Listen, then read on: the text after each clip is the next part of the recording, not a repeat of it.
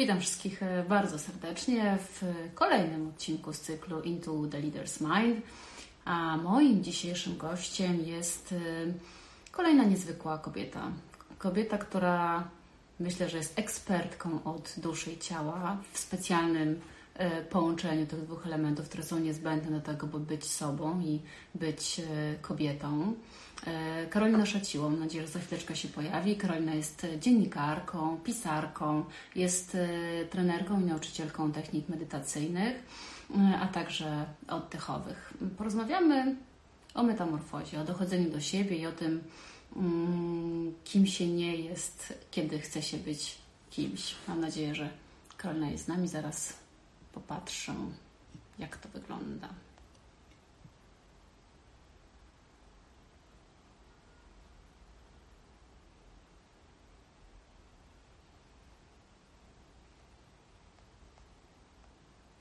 Muszę poszukać Karoliny.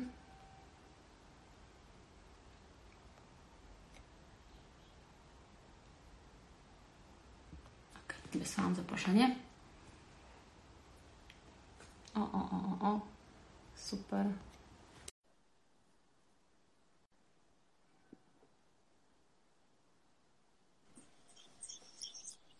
Hej. Jak miło Cię widzieć. Po latach. tak, właśnie usiłowałam sobie policzyć. Boże, kiedy my się widziałyśmy na żywo ostatnio? Jeszcze w pracy.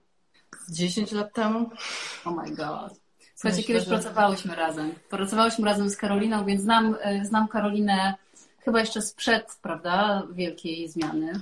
Czy w trakcie? No już w, w, trakcie, w trakcie zmiany, ale tak, jeszcze z innego wcielenia trochę, o którym zresztą y, sporo napisałam w książce, która niedawno się ukazała, więc, y, więc tak, było, było wcielenie i teraz jest inne wcielenie, ale tamto wcielenie zaprocentowało i dzięki niemu jest teraz to wcielenie, więc w sumie dobrze się wszystko poukładało. Książka nazywa się Jestem kobietą. Karolina. Tak, tytuł przewrotny, bo tytuł miał być Jestem z dopiskiem kobietą, ale jakoś tak w pracach wydawniczych się zlepiło, że zostało jestem kobietą, więc jest jestem kobietą, ale zamysł y, był inny na początku. Od kiedy czujesz się kobietą? Wiesz co, no tak bardzo zewnętrznie to od zawsze, natomiast y, ja piszę o tym w książce i też dużo o tym mówię na warsztatach. Ja byłam wychowana na Śląsku. Śląsk był, y, myślę, że wiele rejonów Polski było patriarchalnych i wciąż jest trochę patriarchalnych ale mam wrażenie, że jednak Śląsk jeszcze w moich latach młodości, 15-20 lat temu, był trochę bardziej patriarchalny niż województwo mazowieckie. I miałam fantastycznego tatę, który bardzo chciał, żeby jego córka sobie poradziła w życiu, więc zaszczepił we mnie taką myśl, że mam być kolesiem, który zawsze osiąga sukces. I co tu dużo mówić, kobiecość, wrażliwość kojarzyła mi się ze słabością i dopiero no, pamiętam jak poszłam pierwszy raz, zresztą w książce też o tym piszę, do takiej zaprzyjaźnionej teraz już terapeutki, bo ja przyszłam i psychoterapię, mniej konwencjonalną terapię, dużo tego generalnie było, pracy nad sobą. I ona mówi, słuchaj, stara, twoje wewnętrzne dziecko, ta mała pięcioletnia dziewczynka, to chodzi, to stoi smutna, z maczugą, siekierą, tarczą, w zbroi. Mówi, do momentu, do którego nie zaczniesz odkładać tego całego oręża, to w ogóle nie ma takiej opcji, żebyś schudła, bo jak wiesz, ja się przez wiele lat zmagałam z nadwagą i e, próbowałam bezskutecznie miliona diet i głodówek i tak dalej, i tak dalej. Było mnie coraz więcej i więcej. I dopiero rzeczywiście, jak zaczęłam pracować trochę na innych poziomach, pracować mocniej emocjonalnie, jak pojawiła się Ayurveda, to nagle się okazało, że jednak moja natura jest szczupła, a nie, nie 83-kilogramowa. E, ale też wtedy zaczęłam sobie uświadamiać, że to wszystko, co kojarzyło mi się ze słabością, czyli nasza wrażliwość, nasza empatia, nasza relacyjność, tak naprawdę jest gigantyczną siłą i potrafi być wielkim atutem ale też dzięki filozofii wschodu zrozumiałam, że każdy z nas ma pierwiastek męski i żeński w sobie i zaczęłam też lubić ten mój męski, bo mam go sporo. Lubię organizować, lubię zarządzać, lubię robić rzeczy, które są kulturowo postrzegane jako męskie, ale absolutnie takie nie muszą być. I połączyłam te dwa aspekty siebie i w tej chwili mam wrażenie, że są już w coraz większej równowadze. A ja zaakceptowałam to, że jestem również kobietą. Tak, to jest dosyć, dosyć trudne. Powiedz, mm, trudno było zrzucać ten cały oręż, y, te wszystkie tarcze, dzidy i tak dalej, bo wydaje mi się, że Wiesz, to dużo silnych kobiet dokładnie jest uzbrojonych po prostu na wszystkie okoliczności. Trochę nie ma takiego mm, kontaktu ze sobą. Oczywiście, że było trudno i nadal jest trudno, bo te tarcze i dzidy już e, większość z nich odłożyłam, ale czasami się jeszcze pojawiają. E, ale wiesz co, ja sobie uświadomiłam, że w momencie, kiedy ja wiem, kim jestem, kiedy znam swoją wartość, kiedy znam moje mocne i słabe strony, kiedy zaczynam je akceptować, to ten oręż nie jest mi absolutnie zupełnie potrzebny. Miałam takie doświadczenie, zresztą jeszcze jak pracowałyśmy razem, to zaczęłam współprowadzić warsztaty w więzieniach medytacji i technik oddechowych i to było w ogóle e, kuriozalne doświadczenie, bo niesamowicie mi się to spodobało, bardziej niż praca z dziećmi, co jest, e, jakby pokazuje też, e, gdzie moje pierwiastki są rozłożone. I byłam na, pierwszy mój warsztat to była Białołęka. W ogóle te warsztaty medytacji i technik oddechowych się odbywają w Polsce, jest ponad 4000 więźniów je przeszło, więc jest to naprawdę duży, fajny program. E, no i ja tam z tymi moimi dodatkowymi kilogramami z orężem, e, praktykująca jogę z więźniami, więc można sobie wyobrazić, e, że było to dosyć mało komfortowe doświadczenie. E, I ubrałam ten mój pancerz jeszcze mocniej i wyszliśmy z tych zajęć pierwszych, a prowadziła te zajęcia fantastyczna e, emerytka już wówczas, ale niesamowita kobieta. Zresztą potem o niej cały reportaż w Wysokich Obcasach napisałam, Basia Jurkonis. I ona mówi, słuchaj, było rewelacyjnie, naprawdę jesteś stworzona do tego, tylko taki maleńki, e, maleńkie ale, jak myślisz, czego tym panom brakuje tutaj w środku. Y, Hitler, Jungend prawie, że w sensie i kobiety w zbroi, która ich nie akceptuje, mówi podniesionym głosem, czy kogoś, kto pokaże im trochę ciepła i empatii. Nie chodzi o to, żeby sobie mi się od razu sprzedawać i się przytulać, ale otworzyć się trochę i pokazać też te, tej kobiecej swojej strony, której masz mnóstwo i mówi, posłuchaj, jak ustawisz sobie w środku granicę, jak będziesz wiedziała, kim jesteś, jak będziesz się szanowała, to zobaczysz, co się wydaje, wydarzy na zewnątrz. I pamiętam, że to był dla mnie bardzo gruby proces, ale wróciłam następnego dnia i rzeczywiście trochę bardziej poczułam, kim jestem y, i coś się zmieniło. I ja się otworzyłam i automatycznie oni się zmienili, zaczęli mnie szanować, zaczęli być otwarci. I zobaczyłam wtedy, że w tej kobiecości tkwi naprawdę niesamowita siła i moc. I jeśli my wiemy, kim jesteśmy, to nie ma szansy, żeby nas ktokolwiek skrzywdził, bo my jesteśmy w stanie postawić w miłości granice i po prostu nie pozwolić się już skrzywdzić. Więc e, to było jedno z takich doświadczeń, które pokazało, że, że tak, co w środku, to na zewnątrz. Karolina, ty masz dużo doświadczeń takiego mm, poszukiwania siebie, no bo gdzieś tam, odkąd my się znamy, mam wrażenie, że cały czas gdzieś tam grzebałaś w sobie i, i intuicyjnie, a może i rozumowo jakoś tam poszukiwałaś tego sensu i bycia sobą. I jak to jest? Dlatego, że ciągle też mi się wydaje, to jest trochę tak jak, wiesz, yoga jest dobra na wszystko i poznaj siebie i bądź sobą. Ciągle to słyszymy, ciągle wszyscy powtarzają. Co to tak naprawdę znaczy? Znaczy, skąd ja wiem, że jestem sobą albo że się znam? Y, wiesz, to fajnie, że zadajesz to pytanie i y, jak po ukazaniu się książki udzielałam wywiadu do Ani Saniuk do Woga, który był w ogóle fantastyczna rozmowa, y, taka z, z Pazurem. E, I mówiłam wtedy, że my w ogóle żyjemy w takim świecie, gdzie ta yoga, ta duchowość, to łączenie się z energią kosmosu, ta akceptacja siebie, to ta ciała pozytywność i to wszystko fantastycznie brzmi. To siostrzeństwo, ale jak tak trochę poskrobać, to okazuje się, że pod spodem nie do końca tak to wszystko fantastycznie wygląda. I dla mnie w ogóle cała historia i opowieść o rozwoju osobistym to jest opowieść o braniu odpowiedzialności za swoje życie, braniu odpowiedzialności za swoje emocje, za swoje uwarunkowania, za swoje zdrowie, za swoje ciało, a nie przerzucanie tej odpowiedzialności na cały świat i mówieniu, że wszyscy inni są winni, tylko, tylko nie braniu jej w koniec końców za siebie. I, yy, I duchowość, rozwój też tak naprawdę jest dla mnie historią o braniu odpowiedzialności. I tak naprawdę zaczęłam się być bardziej siebie świadoma i bardziej siebie lubić, kiedy się je poznałam. Mogę powiedzieć, że przez wiele lat tak naprawdę nie wiedziałam, kim jest Karolina Szeciło. I gdyby mi ktoś 10 lat temu, jak pracowałyśmy razem, czy 12, nie pamiętam już dokładnie, powiedział, że jest we mnie zazdrość, albo jest we mnie rywalizacja, albo jest we mnie złość i tak dalej, to powiedziałabym, we mnie? Nie. Współpraca, tylko i wyłącznie. Po czym Zaczęłam pracować nad sobą. Pojawił się Maciek. Mamy taką relację, która przede wszystkim powstała z przyjaźni, ale też taką relację kto nas zna, ten wie, że my jesteśmy bardzo szczerzy wobec siebie i tam nie ma szansy na to, żeby się cokolwiek schowało, więc y, absolutnie i automatycznie pokazujemy na zasadzie lustra, co w, drugim, w drugiej osobie się dzieje. Y, I pojawiła się ta relacja. Ja też sobie wtedy uświadomiłam, przez to, że no, Maciek bywał w telewizji, stał się osobą trochę bardziej publiczną niż ja, więc ja też się automatycznie trochę bardziej publiczną osobą stałam, co wcale dla mnie nie było przyjemne ani wygodne, e, ale to też pozwoliło mi zobaczyć, ile jest we mnie braku poczucia swojej wartości, ile jest we mnie rywalizacji, ile jest we mnie zazdrości, która bierze się właśnie z tego braku poczucia własnej wartości.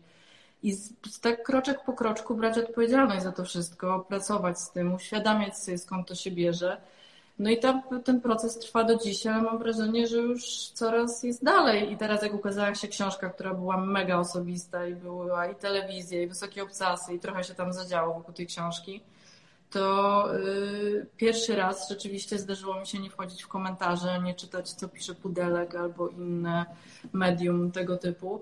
Yy, I myślę, że to pokazało, że już rzeczywiście jakiś proces się wydarzył przez te ostatnie lata, ale ta książka też jest tak naprawdę jednym wielkim wzięciem odpowiedzialności za to, co we mnie i przyznanie się do wielu rzeczy, które przepracowałam, z częścią jeszcze cały czas pracuję, bo każdy z nas te rzeczy ma i jakkolwiek byśmy sobie nie lukrowali na zewnątrz nie udawali, to koniec końców, jeśli chcemy pójść do przodu i jeśli chcemy być szczęśliwi, to bez wzięcia odpowiedzialności, jeśli chcemy się zaakceptować, to jest coś, co ja też często powtarzam na warsztatach. Czy my jesteśmy w stanie zaakceptować kogoś, kogo nie znamy, tak w pełni? Znaczy na początku to może tam trochę jesteśmy w stanie, bo jest ten efekt polianny, takie wow, jest wspaniały. Natomiast generalnie cała historia z akceptacją, taką prawdziwą akceptacją zaczyna się od poznania, a poznanie to poznanie tych swoich pięknych stron, ale też tych swoich słabszych stron.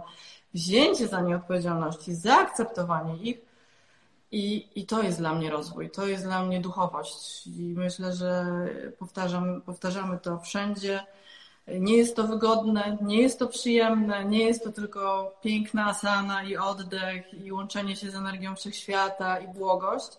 To też w duchowości jest, ale jest też ta trudniejsza strona, która jednak sprawia, że idziemy do przodu. Wiesz, nikt nie mówi o tym, że duchowość to jest po prostu ciężka praca, bo to jest, jest. praktyka, praktyka, praktyka, praktyka tak naprawdę. No dobra, to teraz jeszcze doczepię się kolejnego słówka. Zaakceptować siebie. To jest też taka rzecz, która wiesz, ja myślę sobie, że mm, ludzie, którzy sporo przeszli, doszli tam, e, tam, gdzie są i mają tą świadomość, mają tą odpowiedzialność, mają tą akceptację, to wiedzą, o czym mówią. Ale jak się jest na początku tej drogi, to znaczy wiesz, to ci, ci, ludzie, te dziewczyny tak naprawdę, bo to bardzo często są dziewczyny, one są, ale co ja mam zaakceptować? To, że jestem że zazdrosna? No dobrze, no akceptuję to, że jestem zazdrosna. Jak, jakie są narzędzia, albo jakich ty narzędzi wykorzystywałaś, wykorzystałaś, takich, że ci pomagają tak naprawdę, wiesz, żeby to było prawdziwe, takie organiczne, a nie takie, no, odhaczone, że tak powiem.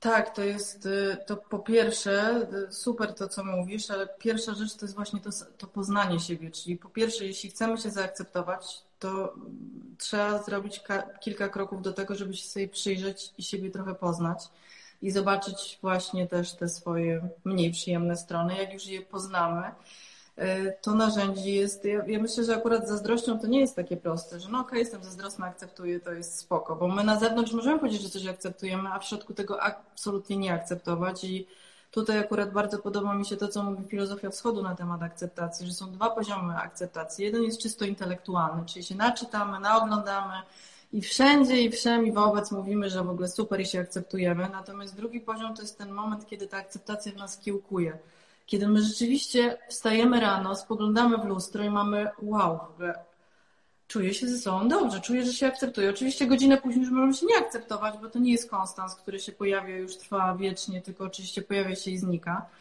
E, wiesz, to jest kilka technik. Ja, e, taka, która dla mnie była bardzo, oczywiście w ogóle medytacja i techniki oddechowe, yoga i tak dalej, niesamowicie pomagają przede wszystkim wejść w siebie, uspokoić się, podnieść poziom energii życiowej, podnieść poziom świadomości i to już pomaga się zaakceptować.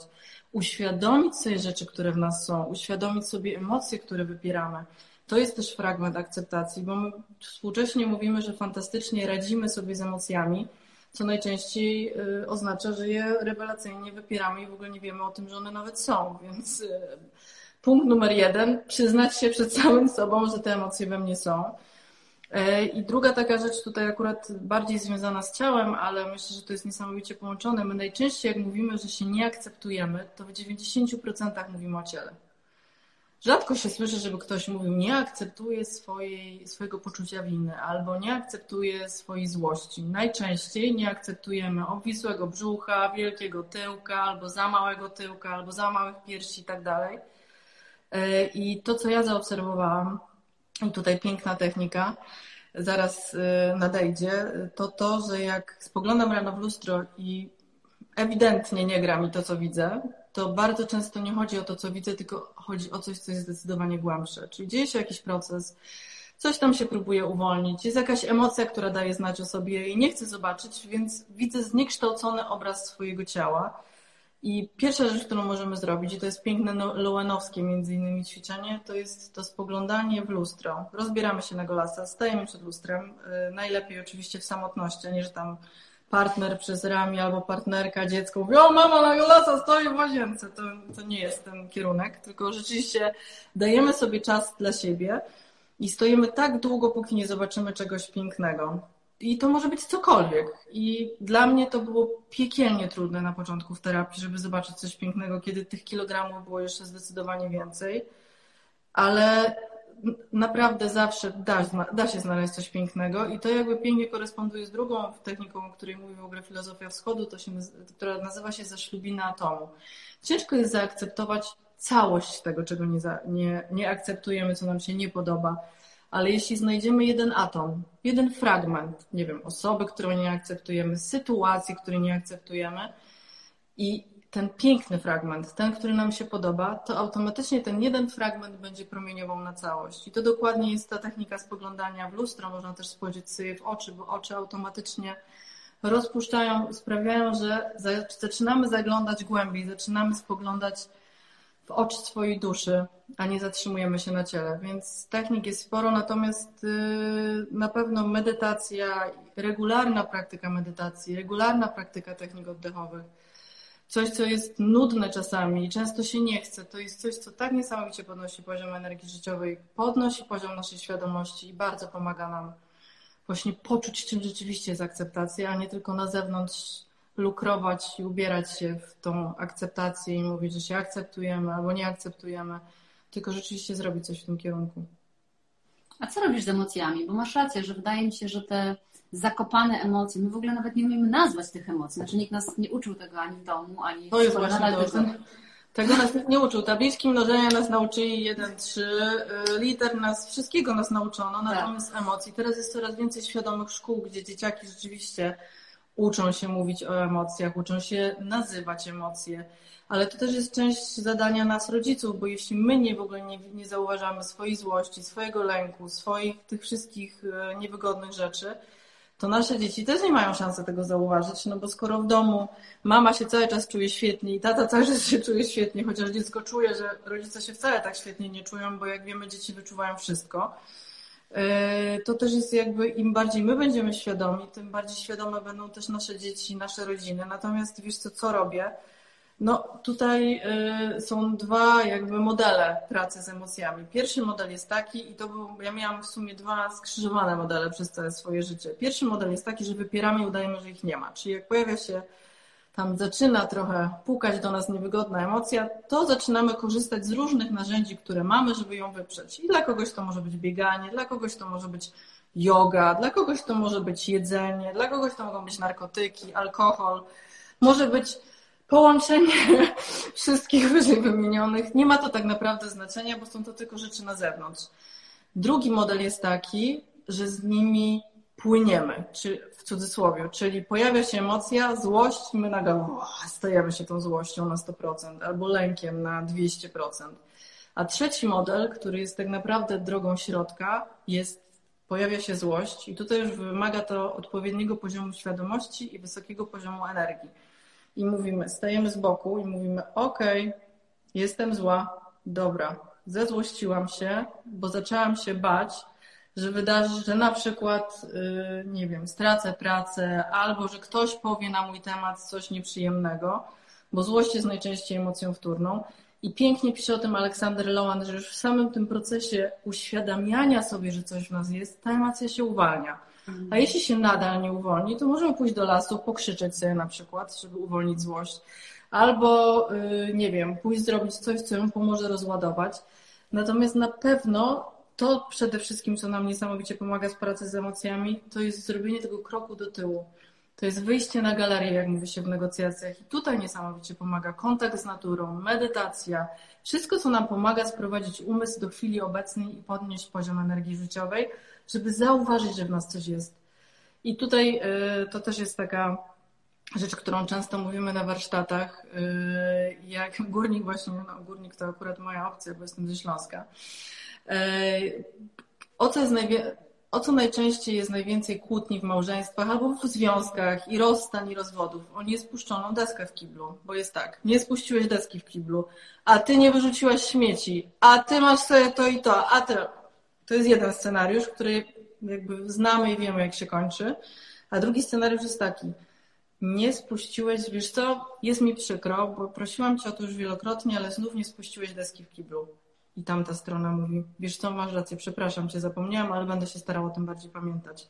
Ta sytuacja rozwiązuje się w dwie minuty i wszyscy są dalej szczęśliwi.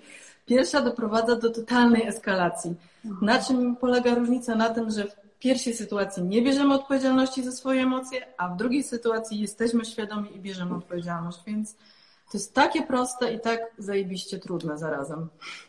No i wiesz, powinniśmy to praktykować od pierwszej szkoły podstawowej, a nawet od przedszkola. I myślę, że gdyby tak, Absolutnie. tak globalnie nam coś takiego stworzyli, to byłoby dużo prościej funkcjonować e, na świecie. Absolutnie powiedz, zgadzam się. Mm, a powiedz, jak, jaka była dla Ciebie najtrudniejsza emocja?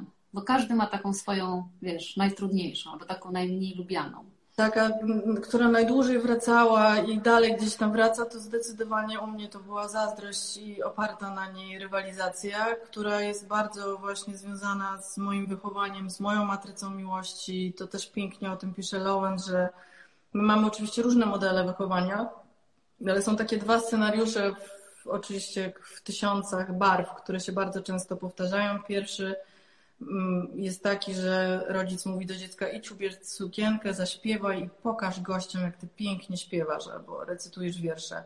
I jeśli ta sytuacja się powtarza często, to dziecko sobie koduje, żeby być kochanym, muszę błyszczeć, muszę osiągnąć sukces.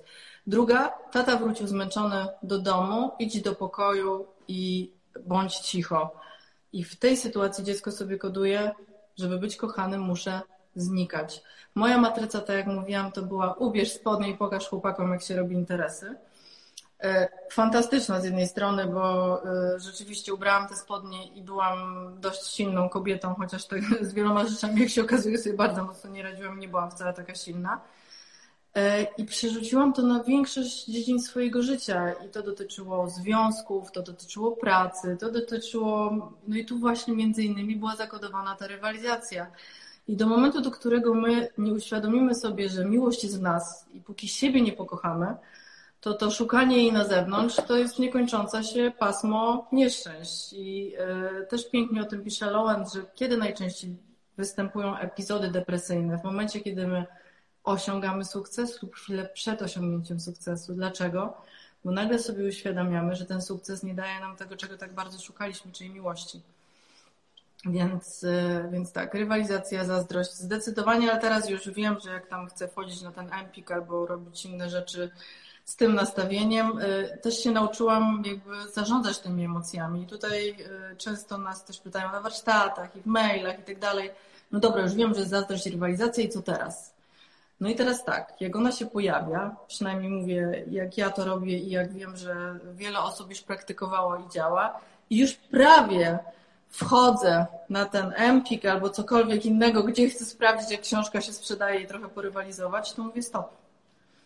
Jeśli mamy wysoki poziom świadomości, to jesteśmy w stanie powiedzieć stop. Im więcej mówimy tego stop, im więcej jakby nie dajemy sobie, nie płyniemy z danym uwarunkowaniem, tym łatwiej jest nam e, zrobić krok do tyłu i po prostu w nie nie wchodzić. Ale to, to znowu jest praktyka. Im wcześniej zaczniemy to robić, tym łatwiej nam będzie przyszłości. Natomiast bardzo często całe życie, 30-40 lat nie mamy świadomości, że w ogóle są w nas te emocje, więc potem nauczenie się zarządzania tymi emocjami to jest jakby kolejny, kolejna trudna rzecz i kolejny krok, ale tak, im więcej, im dłużej, im częściej praktykujemy, tym staje się łatwiejszy. Myślę, że wiesz, ludzie boją się, mm, bo te, te nazwijmy to złe emocje, albo te nieprzyjemne emocje, tak jak mówisz, zazdrość, rywalizacja, wściekłość, zemsta, nie wiem, e, to są takie, takie emocje, które dają nam pozornie siłę i myślę, że ludzie w ogóle boją się ich nie mieć, bo będą mieli poczucie, że tak naprawdę e, są słabi, no ale przecież jest inaczej, prawda? Wiesz co, one dają nam siłę na chwilę, bo złość rzeczywiście, akurat lęk czy wstyd nie dają nam siły ani poczuć, nas mrozi. Wstyd sprawia, że wstyd w ogóle jest jedną z tych zdaniem, y, jest taka fajna skala świadomości Hawkinsa i wstyd jest jedną z tych najniżej plasowanych emocji. Natomiast złość jest już rzeczywiście wyżej energetyczną emocją i ona na początku daje nam siłę do działania, tylko co się staje w momencie, kiedy ta złość z nas yy, schodzi? Pojawia się poczucie winy. Bo w złości jesteśmy w stanie zrobić dużo rzeczy, które wydają się wtedy rozsądne, ale jak tylko złość znika, to nagle e, dodajemy dwa do dwóch i zaczynamy sobie uświadamiać, co tak naprawdę zrobiliśmy. I pojawia się poczucie winy, które już jest zdecydowanie niżej energetyczną emocją i zaczynamy się chłostać tym poczuciem winy. I mówią o tym wszyscy terapeuci, że niewielka ilość poczucia winy działa mobilizująco, bo jestem takim ukłuciem, który mówi nie rób, nie rób, bo będziesz żałować, ale jak tego poczucia winy się nazbiera, to jesteśmy absolutnie wymrożeni nie jesteśmy w stanie w ogóle pójść do przodu, więc y, one dają nam siłę na moment, ale tak naprawdę nam tę siłę zabierają. Natomiast jeśli my jesteśmy, bo to, to znowu jest kwestia tego, że to nie chodzi o to, żeby nie stawiać granic. To nie chodzi o to, żeby pozwalać się wszystkim traktować w zły sposób. To nie chodzi o to, żeby inni nas krzywdzili. To chodzi o to, że my te granice możemy postawić w miłości. Możemy powiedzieć, jest we mnie złość. Zamiast płynąć tą złością, mój model kiedyś, robimy krok do tyłu, robimy cokolwiek, co nam pomoże trochę tę złość w danym momencie wyjść ponad tę złość. Czy to będzie spacer, czy po prostu wyjść i pooddychać świeżym powietrzem. Nawet się mówi potocznie, że jesteś zły. Idź pooddychaj, zrób coś, żeby trochę zrobić krok do tyłu, a potem czytamy komunikat, który ta złość niesie i mówimy, słuchaj, wiesz co, zrobiło mi się przykro i zezłościłam się, bo wydarzyło się to i to i to. I stawiamy granicę, ale stawiamy ją zupełnie innego poziomu. I ta granica ma szansę rzeczywiście coś zdziałać. Jak my ją postawimy w złości, to właśnie jest ta sytuacja z niespuszczoną deską w toalecie.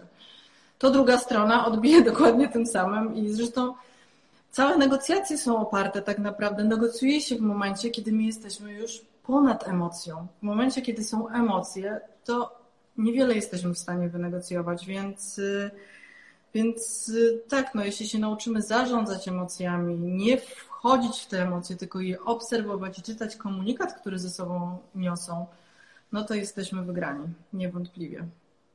Tak samo jest z tymi dobrymi, czyli z radością, miłością i tak dalej? Też nie wchodzimy w to? E, wiesz co, jak czujesz radość, to jesteś najczęściej tu i teraz. Natomiast tu znowu jest pytanie, czy to jest, czy radość to radość. Radość jest taką emocją, która sprawia, że jesteśmy tu i teraz, ale jest jeszcze euforia. I ja na przykład przez całe życie myliłam radość i błogość z euforią. A euforią, euforia, pięknie o tym też mówi Lowen między innymi, euforia tak naprawdę jest bardzo niskoenergetycznym stanem, który graniczy z depresją. My wchodzimy w euforię, kiedy już nasza bateria życiowa jest bardzo mocno zużyta i to jest ten ostatni haczyk, który zarzucamy, żeby zdobyć jednak tę miłość, żeby poczuć się lepiej, po czym jak się nie udaje, to nasza bateria życiowa jeszcze mocniej spada, więc y, radość sprawia, że umysł jest automatycznie w chwili obecnej i możemy czuć tę radość w sobie i po prostu stawać się radością. Natomiast ja jestem fanką tego, co mówi filozofia wschodu znowu, żeby być dosyć beznamiętnym, jeśli chodzi o emocje, bo jeśli my wpadamy w ten taki po prostu, w tę radość i w tę błogość i tak się zachwycamy tą radością i błogością, to za chwilę pojawi się przeciwstawny stan, czyli yy, lęk albo złość, w który też będzie nam łatwiej wpaść. Jeśli jesteśmy w stanie stanąć trochę z boku i obserwować, to wtedy unikamy tej amplitudy dużej, bo amplituda zawsze jakaś będzie. Kiedyś byłam na takich fajnych warsztatach y, ciszy na Litwie, prowadzonych przez niesamowitego gościa, który miał spółkę notowaną na giełdzie w wieku 21 lat indyjskiej, po czym poszedł mocno w kierunku medytacji, ale był naprawdę niebywale inteligentny. Y, I na koniec go zapytano, mówi, no dobrze, no my teraz wszyscy jesteśmy tacy w błogości, w radości, w ogóle jest fantastycznie, potem wracamy do domu, stara wrzeszczy, dzieci krzyczą, w firmie problem i zaczyna się góra i dół, góra i dół. Co zrobić, żeby była linia prosta? On mówi, ale wiesz co jakby oznacza linia prosta i taki sprzęt w szpitalu? Oznacza jedno. Nie ma linii prostych w życiu. Natomiast to, co my jesteśmy w stanie zmienić w moim odczuciu, to czy będziemy tak, czy ta amplituda będzie trochę mniejsza. I to już jest kwestia naszego zarządzania emocjami. Hmm. Pewnie też naszej potrzeby, no bo jedni potrzebują jednak e, tej amplitudy troszeczkę więcej z natury, a inni wolą bliżej, bliżej zera gdzieś tam oscylować. A powiedz, jest coś, za czym, jest jakiś atom ciebie, za którym tęsknisz z tego poprzedniego wcielenia? E, wiesz co, chyba nie, bo poprzednie wcielenie, y, znaczy ja bardzo doceniam moje poprzednie wcielenie i mnóstwo tego poprzedniego wcielenia nadal we mnie jest. Ja nie stałam się teraz natchnioną, siedzącą w lotosie od rana do wieczora Karoliną Esz, y, po tym jak byłam biegającą, ciągle coś robiącą i wpadającą w tarapaty Karoliną K, tylko yy, moja natura pozostała moją naturą. Nadal lubię działać, lubię organizować, lubię jak się dużo dzieje, ale zaczęłam też doceniać ten moment, kiedy się nie dzieje i doceniać ten moment, kiedy jest spokój, i doceniać ten moment, kiedy jest błogość. I nagle okazało się, że spokój wcale nie musi być nudny, bo w tym spokoju może być zatopione mnóstwo innych rzeczy. I że ten stan, kiedy mamy siłę do działania, a jednocześnie spokój umysłu, to jest coś, co mi się w tej chwili najbardziej podoba. Natomiast ja bardzo doceniam ten czas y, mojego poprzedniego życia, bo było, miałam mnóstwo fantastycznych znajomych, część z nich y, do dziś ze mną jest doświadczyłam mnóstwa rzeczy, podróżowałam po świecie, nadal podróżuję, tylko już w trochę inny sposób. I myślę, że nie byłabym tu, gdzie jestem e, z Maćkiem, w relacji, którą stworzyliśmy, w patchworku, który, który tworzymy od kilku lat, gdyby nie tamte doświadczenia, gdybym nie zobaczyła, czego już nie chcę, jak nie chcę już żyć, Pamiętam kiedyś wracałam z, też z warsztatów ciszy w Berlinie, bo trochę ich było, już teraz ich nie ma, ale był czas, kiedy było ich sporo. Potrzebowałam mocno odbić w drugą stronę i wyrównać. I powiedziała mi też taka dziennikarka, y, która z nami jechała i wracała z tego Berlina, że czytała kiedyś taką teorię, że te stare dusze, które pojawiają się na świecie, te, które doświadczyły, jeśli wierzymy w ogóle w reinkarnację, jeżeli nie jesteśmy tu pierwszy raz, ja to gdzieś tam głęboko czuję, chociaż generalnie jestem mocno areligijna. Y, wierzymy z Maćkiem w to, że jest coś nad nami, ale nie, daje, nie nadajemy temu imienia. Ale te stare dusze mają tak głębokie doświadczenia medytacyjne z poprzednich żyć, doznawały tak wysokich stanów świadomości, że w momencie, kiedy trafiają tutaj do tego życia i nie są w stanie sobie tych wysokich stanów świadomości dostarczyć za pomocą medytacji na przykład, czy jakichś innych technik, to bardzo często wpadają w alkohol i w narkotyki, bo tak mocno potrzebują tego silnego stanu, którego nie potrafią w inny sposób znaleźć. Myślę, że ze mną tak trochę było. I w momencie, kiedy pojechałam na pierwsze warsztaty medytacyjne, bardzo zresztą y, pisząc artykuł i wcale nie myśląc o tym, że medytacja jest czymś fantastycznym, tylko y, czysto, z czysto zawodowych powodów i pobudek. I poczułam ten stan błogości i ten stan przyjemności, który, który daje, może dać medytacja i może dać oddech to nagle coś mi przeskoczyło i okazało się, że, że już nie potrzebuję tych wszystkich dopalaczy, które sobie przez całe życie e, fundowałam i że mogę mieć te stany, ale w dużo przyjemniejszy i bezpieczniejszy sposób, które nie wymagają właśnie tej amplitudy, bo i alkohol, i narkotyki robią super, a potem bardzo, bardzo nie super. Potem znowu jest super i bardzo nie super, a nagle okazało się, że może być super, a potem dalej super w miarę, a potem trochę gorzej, trochę lepiej i, i tak dalej. A powiedz, ciało czy dusza? To jest tak, że jak tak wracam do tej drogi do siebie, którą gdzieś tam e, każdy z nas pewnie chce odbyć w miarę e, sensowny i skuteczny sposób, to jaki jest balans między tym? Od czego zacząć? Ja myślę, że i ciało, i dusza to jest, y, pięknie to mówi Ayurveda, że jesteśmy, składamy się z czterech podstawowych filarów. Jest ciało, jest umysł i emocje, to drugi. Jest poziom społeczny, który jest bardzo ważny i nie jesteśmy samotnym atomem, który przemierza przez życie w odosobnieniu od innych, tylko tworzymy relacje społeczne, które są integralną częścią tego, kim jesteśmy. No i jest poziom ducha, duszy, energii. I każdy z tych poziomów jest y, równie ważny i nie można równoważyć się tylko i wyłącznie na jednym poziomie, a o innych zapominać. I to jest y, coś, co my bardzo często y, podkreślamy. Tak się teraz dużo mówi o tym, że jesteś tym, co jesz. No niewątpliwie też jesteś tym, co jesz, ale jesteś też tym, co myślisz, tym, co czujesz, tym, jak wyglądają Twoje relacje z otoczeniem, więc y, dobrze jest dbać o duszę i o poziom energii i o emocje, ale nie zapominać też o ciele, bo ciało jest domem naszej duszy, jak pięknie śpiewa Maria Peszek. Pielęgnuje ciało, bo jest domem duszy i, i absolutnie jest ważne, natomiast nie jest najważniejsze i y, to też są takie w ogóle mam wrażenie, że współcześnie i sama w tym brałam udział przez wiele lat. Y, my bardzo duży nacisk kładziemy na ciało, na dietę, na to, żeby wyglądać świetnie, żeby kontrolować absolutnie zawartość swojego talerza, bo mamy wrażenie, że jak uda nam się kontrolować nasze ciało i nasz talerz, i naszą wagę, i nasz wygląd, to będziemy kontrolować całe nasze życie, ale tu niestety i dobra i zła wiadomość, niestety tak to nie wygląda. Ja schudłam 27 kg, no teraz trochę mniej, bo jestem w ciąży, ale, ale schudłam sporo i wydawało mi się, że jak schudnę, to będę szczęśliwa. I okazało się, że y, tak, bywa, są momenty, że jestem szczęśliwa, ale są również momenty, że nie jestem szczęśliwa i mało tego, są momenty, że pomimo tego, że schudłam, to się dalej nie akceptuję.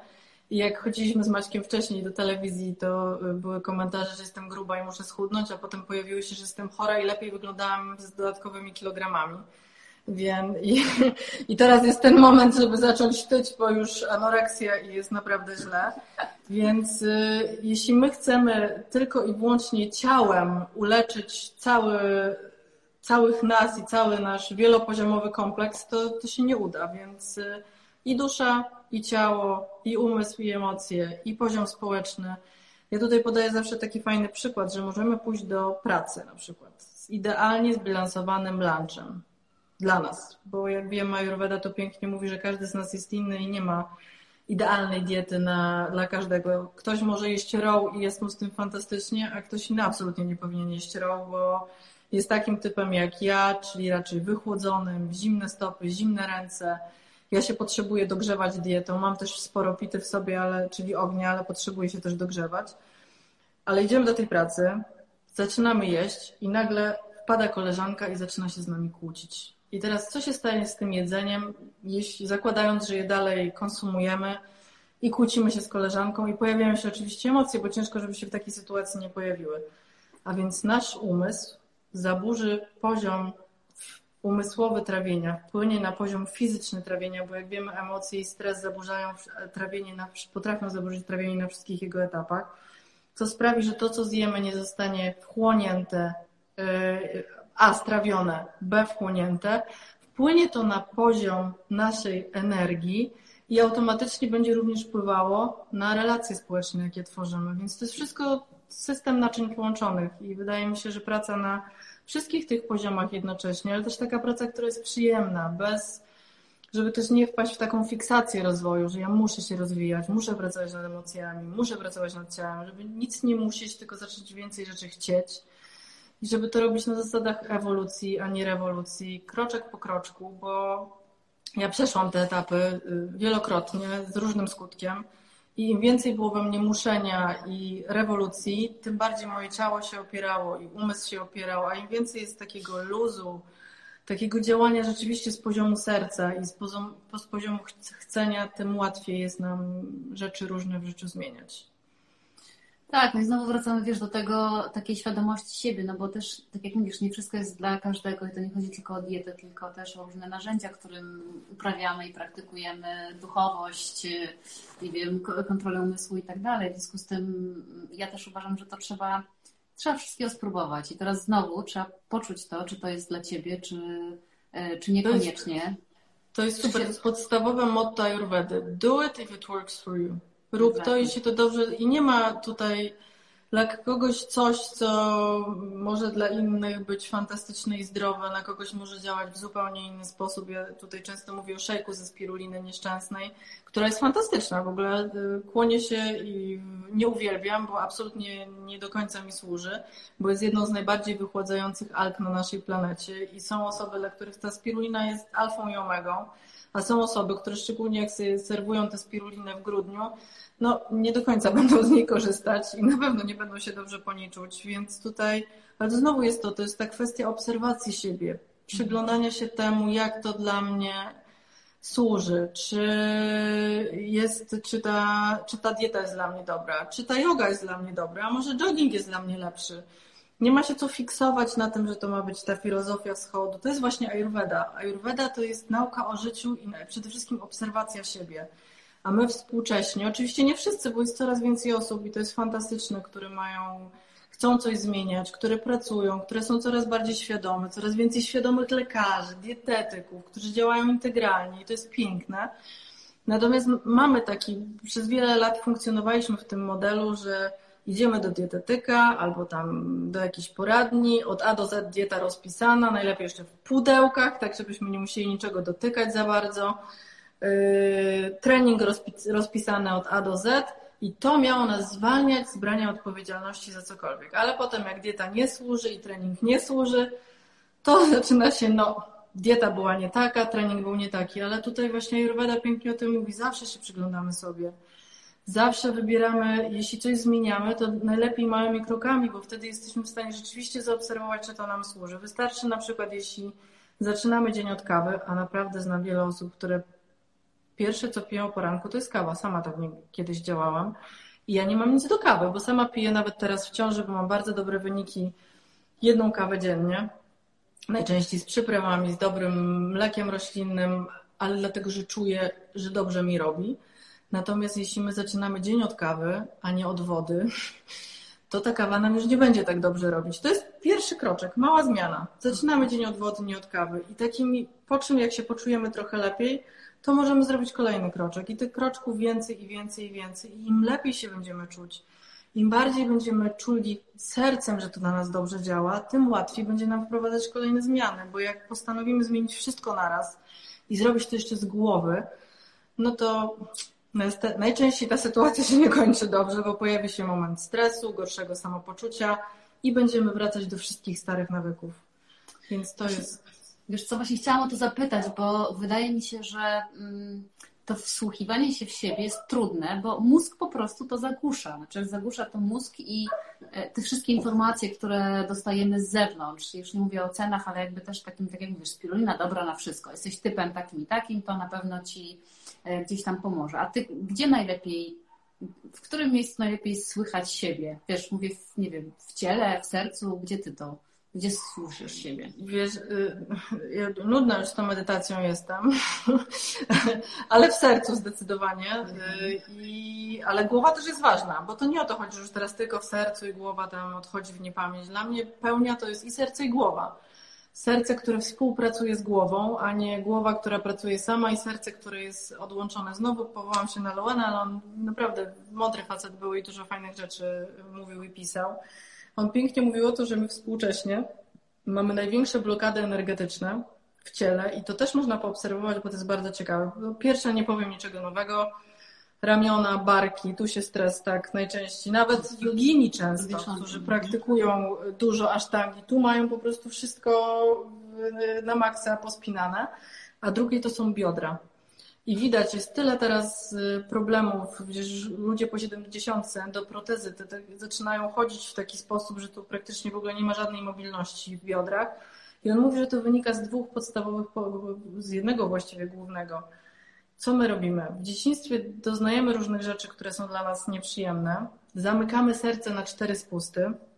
Zamykamy, blokuj, wypieramy większość emocji w obszarze jelit, które jak wiemy są drugim mózgiem.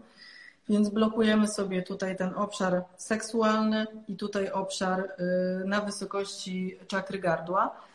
I co się dzieje? Energia nie ma szansy w ogóle płynąć. I dlatego zobaczmy, powodem numer jeden śmiertelności na świecie są wciąż nie COVID, tylko choroby układu sercowo-naczyniowego. Y, bo serce jest całkowicie odcięte w tym modelu energetycznym, więc y, to, co możemy zrobić i to, w czym mi niesamowicie pomogła i terapia, i medytacja, to jest to zejście trochę do serca. Takie ewolucyjne otwieranie tego serca i uświadamianie sobie, co tam generalnie nas blokuje, ale jednocześnie też y, działanie na poziomie głowy, czyli połączenie serca z głową. Myślę, że takie w ogóle zaczynamy żyć w XXI, XXI wiek, mam wrażenie, jest wiekiem syntezy XIX wiek nauka szła w parze z duchowością całkowicie. XX wiek oddzielona po prostu murem, albo coś jest duchowe, albo coś jest naukowe, nie ma żadnego połączenia. A w tej chwili znowu zaczynamy łączyć. I dlatego tak pokochaliśmy w sumie z Maćkiem Ajurvedę. Ja pokochałam Ajurvedę, bo tam jest nauka z jednej strony, a z drugiej strony jest też mowa o energii i o duchowości. I te dwie dziedziny się łączą. I myślę, że coraz więcej teraz osób, które y, zgłębiają temat, widzi, że na przykład fizyka kwantowa jest niesamowicie duchowa. To, co połączenia między Bhagavad Gitą, fizyką kwantową są niesamowite, więc, y, więc to jest fantastyczne, że zaczynamy żyć w tym czasie, który jest czasem łączenia, syntezy i nie trzeba już albo głową, albo sercem, można i głową i sercem. I, myślę, że tam powoli zmierzamy jako ludzkość, chociaż jeszcze trochę się pewnie popotykamy. Kolejne pokolenia, słuchaj. Ale wiesz, praktyka czyni mistrza, więc jest szansa. A powiedz, bo też, ja też tak uważam i tak sobie myślę w tej twojej drodze do chodzenia do, do siebie, nazwijmy ją tak.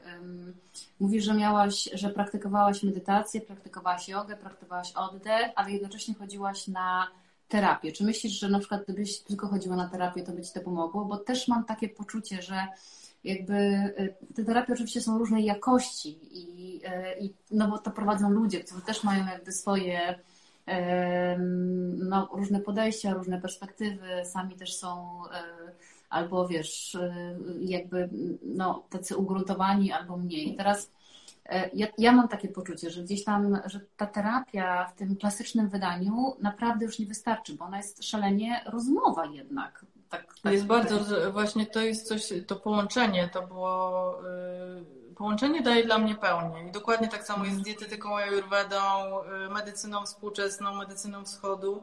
I tutaj też na terapii się uwalnia mnóstwo rzeczy, uświadamiamy sobie różne uwarunkowania i to jest piekielnie ciężki proces, energetycznie ciężki proces, który nas dołuje, smuci, często nas dobija, a to, co daje medytacja, medytacja pomaga nam automatycznie podnosić poziom energii, medytacja pomaga nam podnosić poziom świadomości, medytacja pomaga nam poczuć tę błogość, czyli rozpuszcza trochę ten ciężar terapii i to połączenie często ciężkiej terapii, które oczywiście są też e, przyjemne momenty w terapii, ale bywają też te zdecydowanie cięższe, kiedy wracamy do różnych rzeczy, które bardzo zablokowaliśmy z przeszłości. I tu nagle pojawia się technika, oddech, które pomagają nam poczuć, e, wejść trochę bardziej w e, serce, podnieść poziom energii i rozpuścić to trochę to dla mnie, bo medytacja dawała mi przede wszystkim w terapii wytchnienie, dawała mi takie poczucie, y, ściągała mi ten ciężar z barków. I to dokładnie to samo robi yoga. Yoga pomaga, y, zresztą wiesz, bo praktykujesz, yoga jest fantastyczna, bo ten oddech pomaga rzeczywiście uwalniać ten ciężar. Często każda praktyka jest inna, pomimo tego, że na przykład jeśli praktykuje się asztangę, to sekwencja jest pierwszej serii cały czas taka sama i taka sama do znudzenia a za każdym razem te asany są inne i są momenty, kiedy idzie się do przodu, są momenty, kiedy się staje i ciało całe boli, nie, jest się w stanie zrobić rzeczy, które się robiło wcześniej, bo jakieś rzeczy się uwalniają. I, yoga jest niesamowita, jeśli chodzi o odblokowywanie przepływu e, energii w ciele i uwalnianie różnych rzeczy, które. I to jest też, też piękne uzupełnienie terapii. E, z jednej strony te emocje się chcą uwalniać nas blokują, jesteśmy tacy poskręcani, sztywni, jest nieprzyjemnie, a potem pojawia się yoga, pojawia się medytacja i pomagają to wszystko doszlifować i uwolnić. Mhm. Natomiast znam też z drugiej strony mnóstwo y, takich historii, gdzie jest yoga na zaawansowanym poziomie i medytacja od tam bardzo długiego czasu, ale brakuje tego elementu terapii, brakuje tej, tego rozumowego elementu, y, tego przyglądania się emocjom y, i zaczyna się trochę taki nurt, że nie, bo przecież emocja to jest energia, więc w sumie mnie nie dotyczy. Wystarczy uwolnić tę energię. No tak, ale w momencie, kiedy jestem pod wpływem danej emocji, to ja, na maksa mnie dotyczy. To nie jest tak, że mnie nie dotyczy. I dopiero kiedy uświadomię sobie, że ona jest i ona się uwolni, to przestaje mnie dotyczyć, więc myślę, że połączenie jednego z drugim, dokładnie tak samo w leczeniu, y, też zawsze przed tym przestrzegamy, bo dużo do nas osób pisze na przykład, mam Hashimoto, y, chcę zejść, zostawić leki, hormony. Absolutnie, jeśli jest jakaś choroba, czy to jest już duże zaburzenie, czy mniejsze, i bierzemy jakiekolwiek leki, to po pierwsze konsultujemy się specjalistą. Możemy drugotorowo pójść na przykład do lekarza ajurwedyjskiego poleconego i spróbować dietą trochę moderować i powoli schodzić z tych leków, ale nigdy tego nie robimy na własną rękę i nie robimy szalonych rzeczy. My też tak obserwujemy, że ten teraz ten trend, nurt naturalny trochę czasami idzie w taką stronę poszukiwania ziółka mocy magicznego, który załatwi wszystko i sprawi, że będziemy się nagle czuć fantastycznie, ale nic nie zmienimy. Czyli będziemy dalej żyć tak jak żyliśmy, jeść tak jak jedliśmy, siedzieć godziny przed komputerem, ale do tego pojawi się ziółko i ziółko sprawi, że poczujemy się świetnie. Nie ma ziółka mocy. To jest praca na wielu poziomach i każdy, kto mówi i oczywiście zioła i e, różne techniki są tutaj niesamowicie pomocne, ale zawsze pracujemy całościowo i wielopoziomowo? Y, to jest pytanie, które uwielbiam najbardziej o lekarza jurwedyjskiego. Słuchajcie, możecie napisać do mnie na Medytujemy, ja zawsze odpowiadam. Jest teraz rzeczywiście dwójka bardzo dobrych lekarzy, których możemy z pełną odpowiedzialnością polecić i to są lekarze, którzy skończyli medycynę i mają specjalizację w ajurwedzie.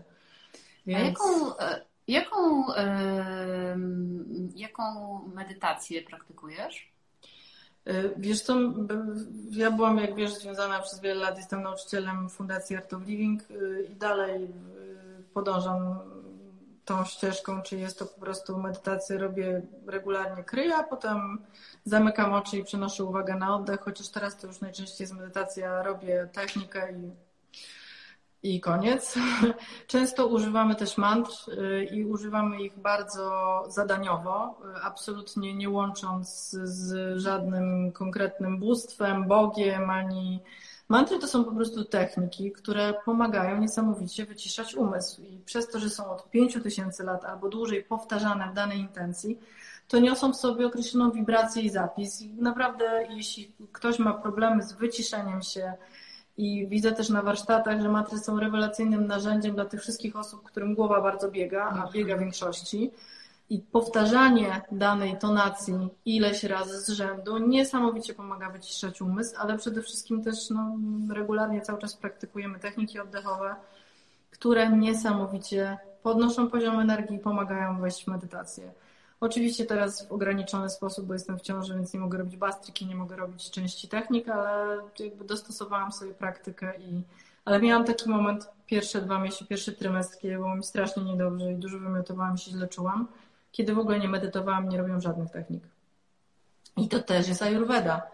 To jest ta wolność robimy, y, okej, okay, fantastycznie jest, jak się już zaczyna praktykować medytację i techniki i jogę, robić to regularnie i przełamywać ten opór, który się pojawia, ale też nie robić sobie takiego ciężaru, że my musimy, bo nic nie musimy. I y, głęboko wierzę w to, że są osoby, którym dana technika będzie służyć, innym będzie inna technika służyć.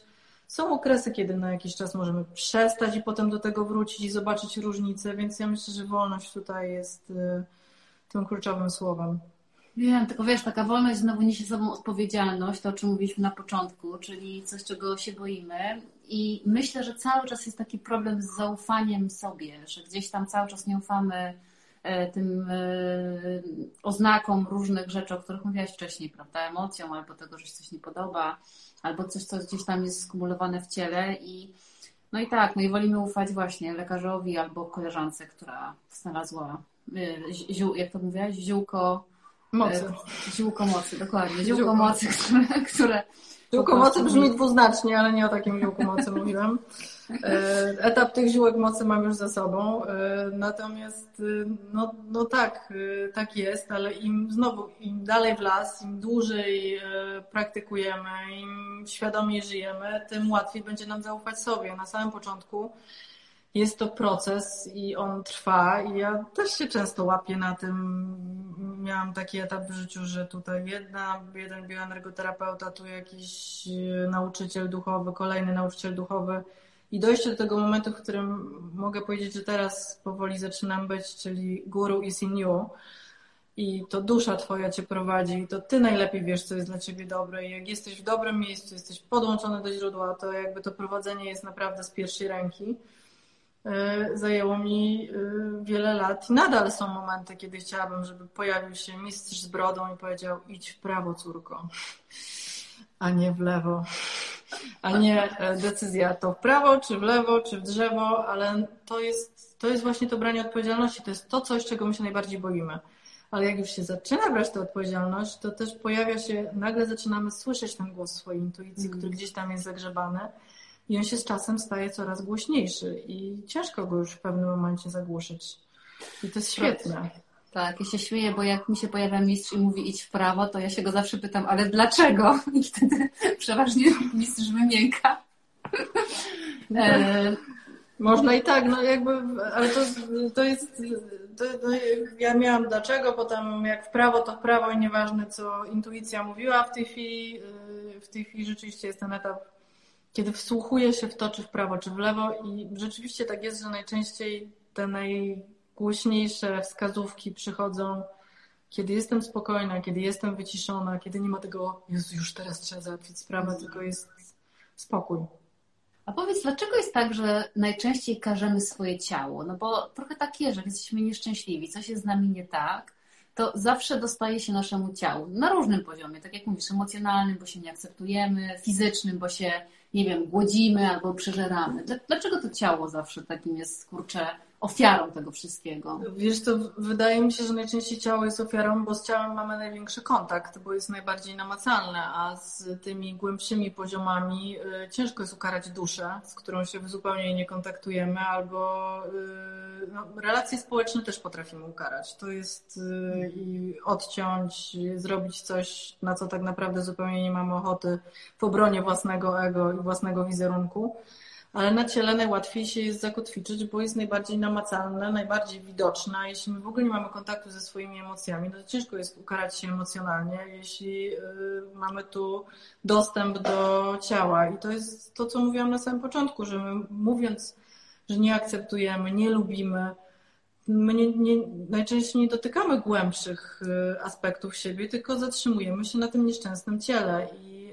W Ayurvedzie pięknie mówi się o tym, że zaczynamy pracować z ciałem najczęściej, no bo nad ciałem najłatwiej jest zapanować w cudzysłowie, w sensie najłatwiej jest pracować na no wcale nie jest tak łatwo, ale powiedzmy, że jest łatwiej niż na poziomie emocji, ale dobrze, żebyśmy równolegle dołączyli pracę na poziomie emocji i wtedy to karanie, myślę, że karanie się emocjonalne również jest y, mało przyjemną praktyką, ale w ogóle dążymy powoli do tego, żeby się przestać karać, tylko zacząć wyciągać wnioski i zauważać lekcje. To jest też, y, to jest też jeden ważny aspekt odpowiedzialności, który ja przynajmniej przez wiele lat bardzo źle rozumiałam. Mnie się odpowiedzialność bardzo często kojarzyła z braniem winy na siebie. Mhm. Czyli wzięcie odpowiedzialności za coś równa się wzięcie winy na siebie. I to jest bardzo mocny program, który funkcjonuje społecznie yy, i widać go często właśnie w takich sytuacjach, kiedy się z kimś kłócimy. Dla nas wzięcie odpowiedzialności oznacza, że my weźmiemy na siebie winę. A to wcale nie oznacza, że mamy na siebie wziąć winę. Branie odpowiedzialności oznacza przykładowa sytuacja, kłócę, kłócę się z Maćkiem, zdarza się do dziś. Wielokrotnie, ale już jesteśmy tak przetrenowani w tych yy, kłótniach, że ja kiedyś to rękawice bokserskie, złość razy milion, w ogóle płynę ze wszystkim, poczucie winy, czołganie się, przepraszanie. Teraz już zupełnie inaczej sytuacja wygląda. Jak widzę, że się pojawia złość, Maciek to już dawniej, od dawna ma te, yy, pracuje w ten sposób, to robię krok do tyłu, robię coś, żeby się trochę uspokoić, zrobić yy, przejście nawet na moment, chwilę pooddychać, zobaczyć sytuację taką, jaką jest, i jestem w stanie teraz wrócić, albo on jest w stanie wrócić i powiedzieć, słuchaj, rzeczywiście, zezłościłam się, pojawił się we mnie lęk, przepraszam cię za to, y, i to jest tyle po mojej stronie. I on już automatycznie mówi, dobra, wiesz co, ja cię też przepraszam, ja też się zezłościłem, zrobiłem to i tamto. I to jest świadoma rozmowa. To jest świadoma praca na poziomie emocji. I teraz co? Bo pojawia się myśl, no dobra, jak ja przeproszę, on nie przeprosi, głupi yy, pies, to co wtedy? To wtedy on zostaje ze swoim. Ja biorę odpowiedzialność, ja się uwalniam, ja sobie czyszczę konto. Mówię, ja przepraszam za swoją część. Ja nie biorę winy za całą sytuację na siebie. My tak naprawdę branie odpowiedzialności jest przejawem siły, bo trzeba mieć siłę i trzeba znać siebie i wiedzieć, kim się jest, żeby powiedzieć, słuchaj, zezłościłam się albo nie wiem, pojawił się we mnie lęk, weszłam w rywalizację, zachowałam się tak i tak, przepraszam. Wydarzyło się to, to wymaga siły. I to jest też rozbrojenie tego programu społecznego brania winy na siebie. Dobra, to ja biorę całą winę na siebie. Często się słyszy na przykład w jakiś tam pomimo tego, że ktoś wcale nie chce wziąć całej winy na siebie, to mówi e, ofiarnie, że on bierze całą winę na siebie. Nie ma kwestii winy, jest kwestia brania odpowiedzialności i, i myślę, że jak już ten, tę klapkę zmienimy, to, to bardzo dużo się jest w stanie zmienić też w naszym postrzeganiu rzeczywistości w relacjach.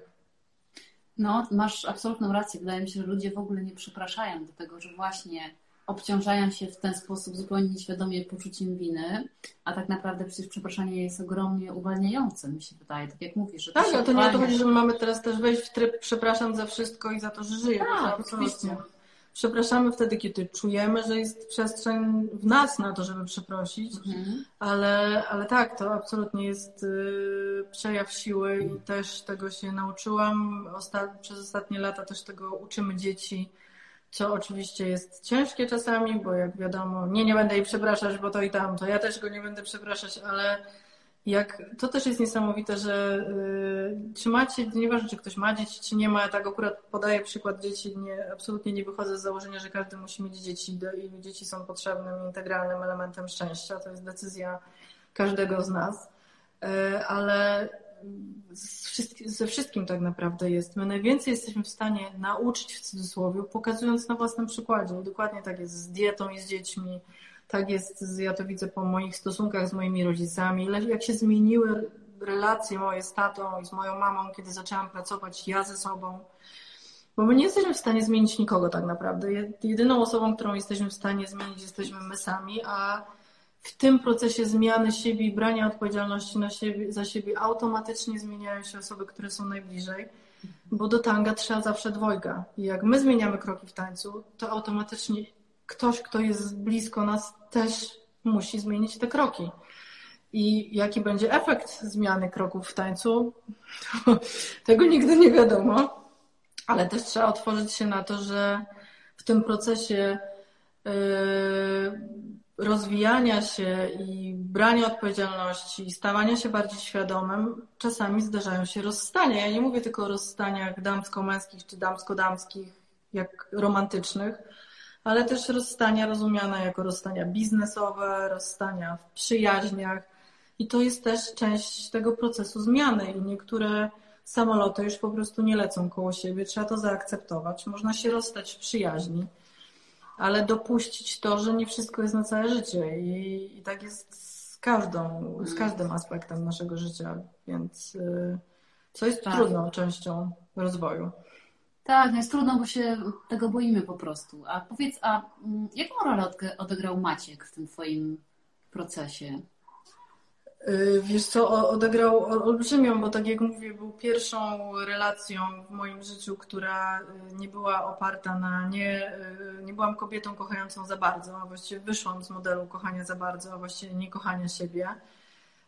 I my się bardzo zaprzyjaźniliśmy na początku, przez tam też było pierwszą relacją, piszę o tym otwarcie w książce, która nie zaczęła się od łóżka, tylko zaczęła się od przyjaźni, co było zupełnie odwrotną kolejnością dla mnie, pierwszy raz w życiu. E, no i jest osobą, mogę powiedzieć, że Maciek jest moim najlepszym przyjacielem, jest osobą, która wie o mnie naprawdę wszystko, a ja wiem o nim wszystko. E, I jest takim lustrem wielkim, które mi podświetla i pokazuje, to nie jest relacja na zasadzie my sobie nie słodzimy i nie cukierkujemy. To też tam jest oczywiście, chociaż ja jakoś nie jestem fanką zbyt dużej ilości lukru w relacji, Maciek również. E, ale my przede wszystkim oboje patrzymy w tym samym kierunku i jest to rozwój, e, jest to branie odpowiedzialności, oboje chcemy iść do przodu, uwalniać kolejne uwarunkowania, więc jesteśmy sobie w stanie, patrząc prosto w oczy, powiedzieć stare, ale wiesz, że i to nagminnie się działo, jak szliśmy na przykład do telewizji albo mieliśmy jakieś pokazy, było kilkaset osób na przykład na sali, Wychodziliśmy, ja mówię, no i co, super było. Maciek mówi, super, czy ty mi zagadałaś? Miałaś świadomość tego? Włączył ci się po prostu twój, e, twoja matryca miłości, która polega na tym, że musisz błyszczeć i pokazać wszystkim, że jesteś zajebista i wygadana i mnie totalnie zagłuszałaś przez pół spotkania. Nie zrobiłem ci jakby afery w trakcie, ale teraz ci mówię, że ty nie byłaś świadoma. I oczywiście początki najczęściej były rękawice bokserskie, a teraz już bardzo raz, że to się dużo rzadziej dzieje, a dwa, że dużo szybciej jestem w stanie powiedzieć, wiesz co, masz rację, przepraszam cię, zupełnie tego nie zobaczyłam, ale tak się stało i e, to jest trudna relacja z jednej strony, a z drugiej strony niesamowicie piękna i uwalniająca i chyba e, jedyna, w jakiej byłabym w stanie jeszcze w tej chwili funkcjonować. Hmm. A powiedz, a macierzyństwo, czy co, co zmieniło tak naprawdę? No bo wydaje mi się, że macierzyństwo zawsze jednak coś zmienia w tobie samym, samej jako jako, jako kobiecie? Wiesz co, no przede wszystkim pozwoliło mi pokazać, że nie ja jestem już w życiu najważniejsza. Jestem ważna, równie ważna, ale pojawiła się istota, która y, y, y, stanęła na tej skali ważności obok. I nauczyła mnie, no bardzo dużo mi rzeczy podświetliło macierzyństwo i Jaś we mnie pokazało mi różnych moich emocji, uwarunkowań, moich modeli z dzieciństwa, Yy, uświadamia mi to każdego dnia, że nie jest przedłużeniem mojego ego i nie musi być idealny, tylko jest taki, jaki jest. No, dużo, dużo rzeczy. No i patchwork też tutaj dołożył sporą cegiełkę, bo nigdy nie planowałam dużej rodziny, a potoczyła się sytuacja zupełnie inaczej. I no, patchwork bardzo dużo emocji podświetlił. Dziewczyny są fantastyczne i mamy fantastyczną relację, ale wypracowanie tej relacji to też była droga. Ja będę yy, potrzebowała niedługo kończyć. Tak, tak, kończymy. ale, ale bardzo miło się rozmawia. Niemniej tutaj cała rodzina się będzie zbierać do kolacji, więc. Dobra. Więc... To ostatnie pytanie w takim razie, Karolinka. Mm, dlaczego tak łatwo jest nam, jeszcze wrócę do tego początku, o którym rozmawialiśmy, o tym, o tym byciu kimś albo kim jestem. Dlaczego tak łatwo jest nam mówić, kim nie jesteśmy, a tak trudno dojść do tego, kim jesteśmy? No to znowu wiąże się z tym, że się mało sobie przyglądamy, y, a głównie ja na, zawsze na początku warsztatów mówię y, w każdej grupie, że teraz te kilka dni zrobimy coś odwrotnego, czyli nie będziemy się przyglądać wszystkim naokoło, tylko postawimy mały kroczek w tym kierunku, żeby zacząć się trochę bardziej przyglądać sobie. Y, I jak się zaczynamy już trochę sobie bardziej przyglądać i się poznajemy, to dużo łatwiej nam jest powiedzieć, kim jesteśmy i również kim nie jesteśmy. E, ale to jest proces. Ja pamiętam, że jak na jednych z pierwszych takich warsztatów samorozwojowych miałam powiedzieć swoich 10 pozytywnych i negatywnych cech, to zdecydowanie łatwiej wymieniłam te 10 negatywnych, a dużo trudniej mi przyszło te 10 pozytywnych. Teraz jestem w stanie wymienić i 10 takich, i 10 takich. Ale tak jak też piszę w książce, im dalej w las, im jakby bardziej świadomi jesteśmy, tym ogólnie E, coraz bardziej jesteśmy. I ciężko jest powiedzieć nam, czy jesteśmy tacy, czy inni, tylko po prostu jeśli jesteśmy coraz częściej w chwili obecnej, to, to jest miło i przyjemnie i przestajemy sobie nakładać jakiekolwiek etykiety i się określać e, i zastanawiać nad tym, czy jesteśmy tacy, czy siacy, tylko po prostu cieszymy się tą chwilą i się w niej trochę zatapiamy. Hmm. Bardzo dziękuję. Wiesz, co jest wspaniałe? Wspaniałe jest to, że mi się wydaje, że z tej drogi już nie ma powrotu. Znaczy, że jak już się wejdzie na tą drogę, to jest tylko e, pójście przed siebie i w jakiś sposób praktykowanie i doskonalenie się w poznawaniu siebie, e, w obserwacji siebie i w braniu odpowiedzialności za siebie i za swoje życie, bo moim zdaniem to jest dokładnie to, co daje nam największą siłę, to że i sprawczość, że ja mogę wszystko, bo ja zmieniając siebie, co teoretycznie wydaje się najłatwiejsze, zmieniam świat dookoła. Dokładnie. Bardzo dziękuję, kochana. I gratuluję Ci dzidziusia. Kiedy będzie dzidziuś? Jakiś... W listopadzie, w listopadzie będzie dzidziuś, więc jeszcze parę miesięcy, ale już y, po połowie, więc z górki. Wspaniale. Ściskam mocno, gratuluję. Idź Dzięki na kolację i uściskaj całą swoją rodzinę w takim razie. Taki, taki plan. Dzięki wielkie i do zobaczenia. Na razie. Pozdrawiam, dziękuję. Hej. Dzięki.